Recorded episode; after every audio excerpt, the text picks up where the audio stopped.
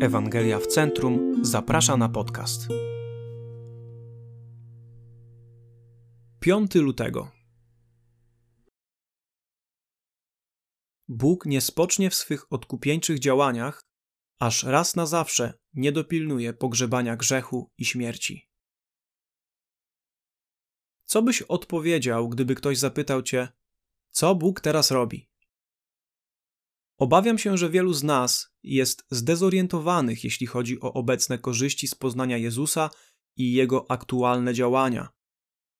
Rozumiemy, że nam przebaczył i że mamy z nim wieczność w przyszłości, ale nie jesteśmy pewni, jaki jest plan na tu i teraz. Ponieważ nie rozumiemy, jakim celom Bóg się teraz oddaje, mamy pokusę, by kwestionować Jego mądrość i wątpić w Jego miłość. Nasz problem nie polega na tym, że Bóg jest bierny, czy że nas porzucił, albo że nie jesteśmy teraz w Jego grafiku.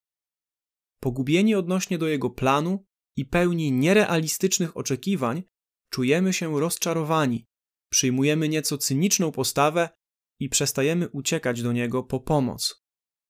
Rodzi się mały duchowy bałagan. Odpowiedź na to ważne pytanie, które zadałem, jest naprawdę dość łatwa i oczywista. Czym Bóg się tu i teraz zajmuje? Odkupieniem. Pracuje nad ostatecznym pokonaniem grzechu i naszym pełnym uwolnieniem. Rozpracowuje łupy zwycięstwa, którego Chrystus dokonał na krzyżu. Przysłuchajmy się zachęcie z pierwszego listu do Koryntian 15, 25, 26. Bo on musi królować, dopóki nie położy wszystkich nieprzyjaciół pod stopy swoje, a jako ostatni wróg zniszczona będzie śmierć. Musimy zrozumieć dwie rzeczy z tego fragmentu, które odpowiadają na nasze pytanie, co robi Bóg. Po pierwsze, króluje. Twój świat nie wymknął się spod kontroli. Źli nie wygrywają. Grzech nie odniesie ostatecznego zwycięstwa. Jako, że Twój świat znajduje się pod Bożą odkupieńczą, uważną kontrolą, możesz zachować nadzieję nawet wtedy, kiedy wydaje się, że ciemność zwyciężyła. Co Bóg robi? Powyższy fragment daje nam też drugą odpowiedź. Kładzie wrogów swoich odkupieńczych planów pod swoje stopy. Będzie gromił jednego wroga za drugim, aż do momentu, w którym ostatni nieprzyjaciel, śmierć, zostanie pokonany.